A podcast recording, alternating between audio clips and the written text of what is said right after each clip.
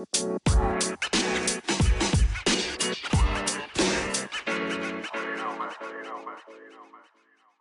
lieve mensen, welkom bij de Back to Blue podcast. De podcast waar we samen terugkeren naar onze blauwdruk, naar de zuiverste en puurste versie van onszelf. De versie die we bedoeld waren om te zijn. Wil je je leven omgooien? Heb je het gevoel dat je een stuk van jezelf kwijt bent? Kom dan met me mee. Terug naar de beste versie van jezelf. Ik wil vandaag eens eventjes iets heel anders aan jullie laten horen.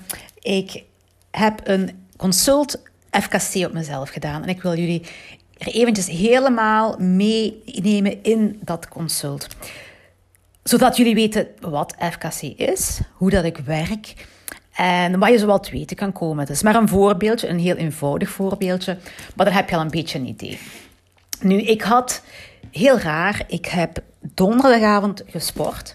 Ik heb vrijdag, vrijdag gerust en op vrijdagnacht op, van vrijdagnacht op zaterdagochtend kreeg ik pijn aan mijn knie. En dat is op, op een plek die waar ik al tien jaar chronische blessure heb, waar ik eigenlijk weinig last van heb de laatste tijd, maar wel een pijn die me heel bekend voorkomt. Echt een stekende ontsteking zo.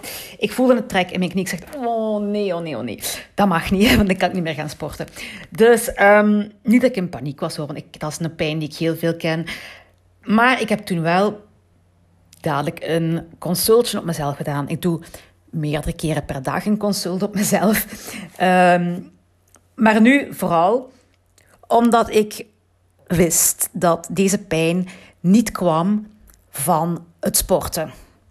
Het was te, la, te lang tussen mijn sportsessie en de pijn. Dus ik wist dat die twee niks met elkaar te maken hadden. En dan vind ik het ook altijd frappant van waarom komt dat nu? En is dit een teken? Wilt, willen ze mij hier iets mee vertellen? Dus begin ik direct met een, uh, met een sessie te doen bij mezelf. En ik schrijf dus op nu, ik ga eerst als sessie begin, maak ik eerst de ruimte vrij van alle zielen die daar kunnen rondhangen, rond mij of in de kamer. En als dat vrijgemaakt is, dan ga ik eerst dingen transformeren die ik niet moet benoemen. Dus die waar de gids van weet is juist en je moet het niet benoemen. Ik doe dat zo. En daarna zet ik mijn gronding correct. Ik zie dat ik vrij ben, dat er geen mensen meer mijn energie opzuigen. Dus als ik onvrij ben, maak ik me nog eerst eventjes vrij. En um, als het nodig zou zijn, zou ik ook aan mijn fundament werken. Mijn fundament zien we op vier vlakken: emotioneel, energetisch, biochemisch en structureel. Maar dan moet je niet elke sessie opnieuw zetten. Dat is ene keer om de twee, drie maanden of zo dat je dat meestal eens moet bekijken. Maar op het moment stond dat nog goed, dus moest ik ook niks aan doen. Ik mag direct beginnen aan mijn klacht. Mijn klacht was dus pijn aan mijn knie. En um, ik werk dan, dat klinkt waarschijnlijk vreemd, maar ik werk dan met ajuintjes. Omdat ik ga kijken, ik, mijn vraag aan de gids, wat ik, ik communiceer op dat moment met mijn gids. En ik vraag dan, mag ik met ajuinen werken? En daarmee bedoel ik dan eigenlijk, dat weet mijn gids wat ik daarmee bedoel, um, dat ik ga kijken hoeveel oorzaken er zijn, verschillende soorten oorzaken. Bijvoorbeeld, je bent erop gevallen, je hebt je gestoten en je hebt een ontsteking. Er zouden drie ajuinen zijn, bijvoorbeeld. Um, nu waren het twee ajuinen. En ik ga dan kijken bij elke ajuin hoeveel laagjes er zijn. En daarom, ik teken dat op mijn blad met bolletjes rond elkaar. En zo zie ik dan hoeveel lagen er in mijn probleem zitten. En in dit probleem waren er twee ajuinen. Dus twee aparte oorzaken. En in de eerste ajuin had ik twee verschillende lagen en de tweede ajuin was maar één laagje. Ik hoop dat je nog kan volgen, hè? Want voor mij is dit iets wat ik dagelijks doe, maar voor jullie zal dat misschien heel vreemd klinken. Dan ging ik vragen aan de gids wat de eerste laag van de eerste ajuin was. Welk soort klacht? Emotioneel, energetisch, biochemisch of structureel? En dat was energetisch. En dan heb ik lijsten. Ik doe mijn lijst dan energetisch dan open. En dan ga ik zoeken. Dan vraag ik van op welke bladzijde moet ik zijn. In welke kolom moet ik zijn. Bij welk woordje moet ik zijn. Of welke pagina. Want de eerste, de eerste bladzijden van een lijst zijn de pagina's, zijn al de onderwerpen die in die lijst staan. En ik kwam uit op ehm, energie van vrijheid. Dus dat is hetgeen waar ik op uitkwam. Ik dacht, huh, vrijheid. Ik weet dan ook niet onmiddellijk wat dat betekent of wat de gids daarmee bedoelt. Maar dan ging ik verder vragen. Vrijheid op welk vlak? Privé of professioneel? Um, vrijheid van uh, financiën, van, van, van zorgen, vrijheid van dingen kunnen doen. En ik kwam er dan op uit. Dat vraag ik, ik, kan alleen maar, ik kan alleen maar ja en nee vragen stellen. Dus ik krijg altijd een ja of nee antwoord. En dat doe ik met spiertesten. Dus ik, ik test de hele tijd met, met mijn vingers om te weten of het een ja of een nee is. Maar ik krijg ook dikwijls, ik channel ook die informatie door, waardoor ik sneller op het juiste antwoord kom. En het kwam er nu uit dat ik te hard gewerkt heb. En um, dat is niet echt een, uh, een grote verrassing. Want ik ben al maanden bezig met mijn website, zoals je weet. En de lessen zijn terug begonnen in september. Maar vooral de twee laatste weken zijn de lessen in Hasselt ook terug begonnen. Waardoor ik hè, ook s'avonds meer gewerkt heb. Dus ik, ik werk s'avonds vier nachten, vier avonden per week geef ik les. Ja, en door de dag werk ik mijn ander, doe ik mijn ander werk, mijn consulten, mijn FKC-consulten, mijn Herbalife-cliënten. Um, en ik doe natuurlijk ook nog alles met die website te maken. En mijn Instagram en weet ik wat allemaal. Dus um, het kwam uit dat ik te hard gewerkt had. En, en dan vraag ik van, um, wat bedoel je daar precies mee? Want je had te hard gewerkt. Ik heb niet echt in de tuin gewerkt of ik heb niet echt mij pijn gedaan met werken. Um, het was niet dat ik te hard gesport had. Het was dat ik te weinig tijd voor mezelf had gemaakt. En toen ik dat wist van wat ze juist bedoelde met uh, naar vrijheid uh, zoeken of energie van vrijheid die geblokkeerd was. Uh, nu wist ik hè, dat het dat betekende. En dan, als ik de klacht gevonden heb, dan mag ik die transformeren. Dus dat heb ik dan ook gedaan. Ik probeer altijd een klacht op 100 te krijgen. 100 betekent de ideale, ideale gegeven. Ik kwam, voor ik erop werkte, stond op 40 en na transformeren stond op 100. Dus dan weet ik, die laag is afgewerkt. Kan ik naar de tweede laag van eerste ajuin gaan. En daar kwam ik uit op, ik offer mezelf op. En nu, ik, ik offer mezelf natuurlijk niet, niet op. Um, dus je moet weer gaan zoeken. Normaal doe ik dat samen met de patiënt, gaan zoeken wat dat eigenlijk wil, wil zeggen, op welk vlak in uw leven dat te maken heeft. En het ging hier over mijn werk, specifiek over mijn sportlessen. Um, het was ook een emotionele, zo niet gezegd, een emotionele blokkade. Ik offer mezelf op en het bedoelde daarmee dat ik te veel van mezelf gaf tijdens de sportlessen. En dan heb ik gevraagd, hoeveel geef ik dan? En zei, ja, je geeft 140% van jezelf bij elke sportles. En dat is te veel, want je kunt niet zo blijven doorgaan. Altijd meer geven dan, dan je kunt geven. Je kunt maar 100% geven en je geeft dus te veel. Dan kwam ik nog op een tweede stuk, want toen was ik nog niet op 100 geraakt. Een tweede probleem in die laag was ook uh, emotioneel had te maken met eigenliefde. En die kon ik al rap plaatsen met de denk aan die 140% geven telkens. Het voelt voor mij alsof ik altijd beter moet zijn dan ik ben. Dat ik dus altijd tot het uiterste moet gaan. Dat ik altijd van mezelf alles en alles en alles moet geven om mij maar goed genoeg te voelen voor het publiek waar ik voor sta. En dat heeft dus echt aan mij gevreten, zal ik zeggen. Um, en als dan bijvoorbeeld mijn lessen niet vol staan, dan, dan denk ik dat het aan mij ligt en dan neem ik het heel persoonlijk op en zo. Dus um, dat was dus een probleem op dat, vlak. En dus moet ik aan eigenliefde gaan werken natuurlijk. Eerst en vooral moet ik begrijpen waarom ik het doe, waarom ik te veel geef. En moet ik het kunnen zien van ga ik dat veranderen? En dan ga ik mezelf vergeven dat ik mezelf dat aandoe. Ga ik mijn lichaam vragen voor vergeving van wat doe ik u aan. En dan kan ik het transformeren en dan stond het terug op 100. En dan kon ik naar de laatste ajuin. Ik had dus, de eerste ajuin was helemaal weggewerkt. Het stond alles op 100. Ging naar de tweede ajuin en dat was weer een energetische klacht. En die energetische klacht uh, bleek te gaan over vriendschap. Ik had een patiënt gehad een paar dagen geleden die ook een probleem met vriendschap had. En dat was bij mij blijven hangen, omdat ik daar zelf ook nog op moest werken. En ik kwam dan uit op proces afronden. Um, en het ging over, gaat over een vriendschap die ik, uh, heel, een heel lange vriendschap van, van 36 jaar, die ik heb verbroken. Uh, een, uh, een jaar of zes geleden. En dat, dat is nog niet echt helemaal verwerkt, maar wel al veel.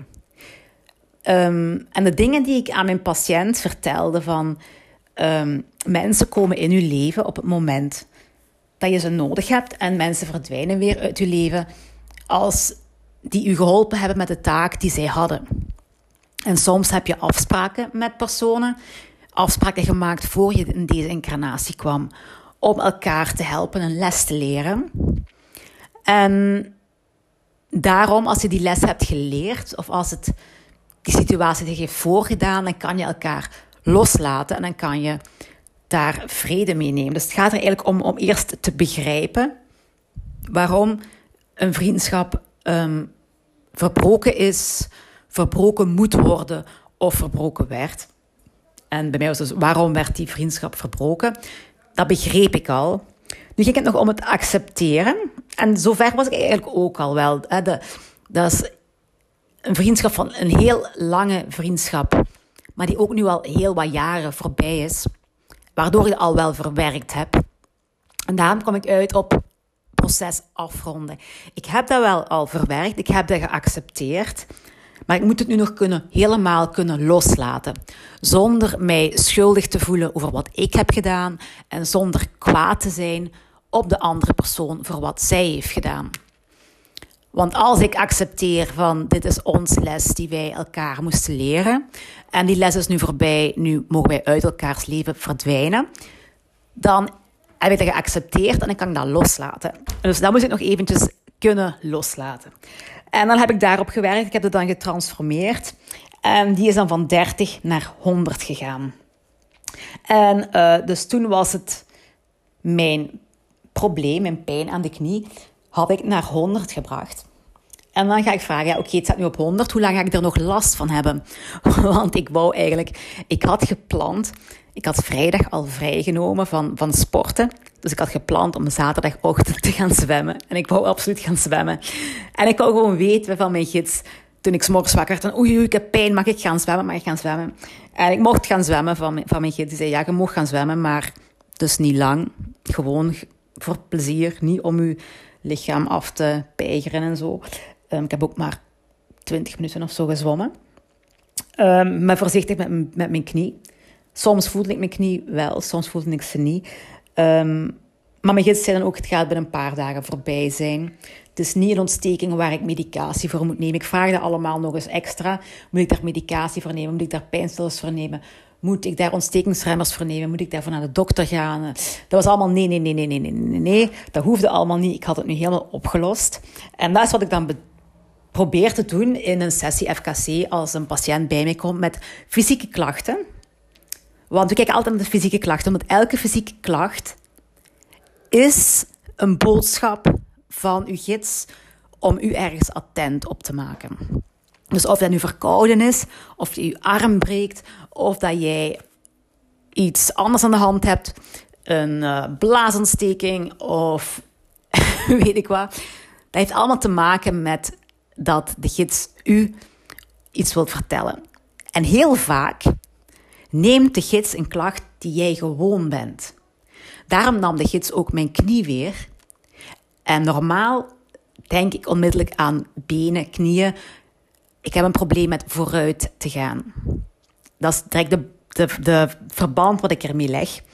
Van als je pijn hebt aan je ledematen, je knieën, je bekken, dan heb je een probleem met vooruit willen gaan in het leven. Of een probleem met iets los te laten uit het verleden. en niet door te kunnen gaan.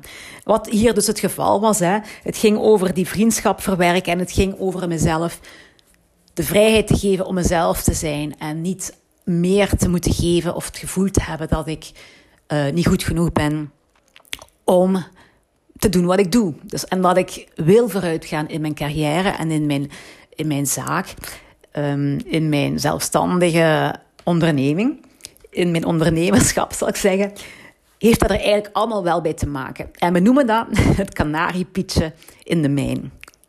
dat is misschien ook weer raar om te horen.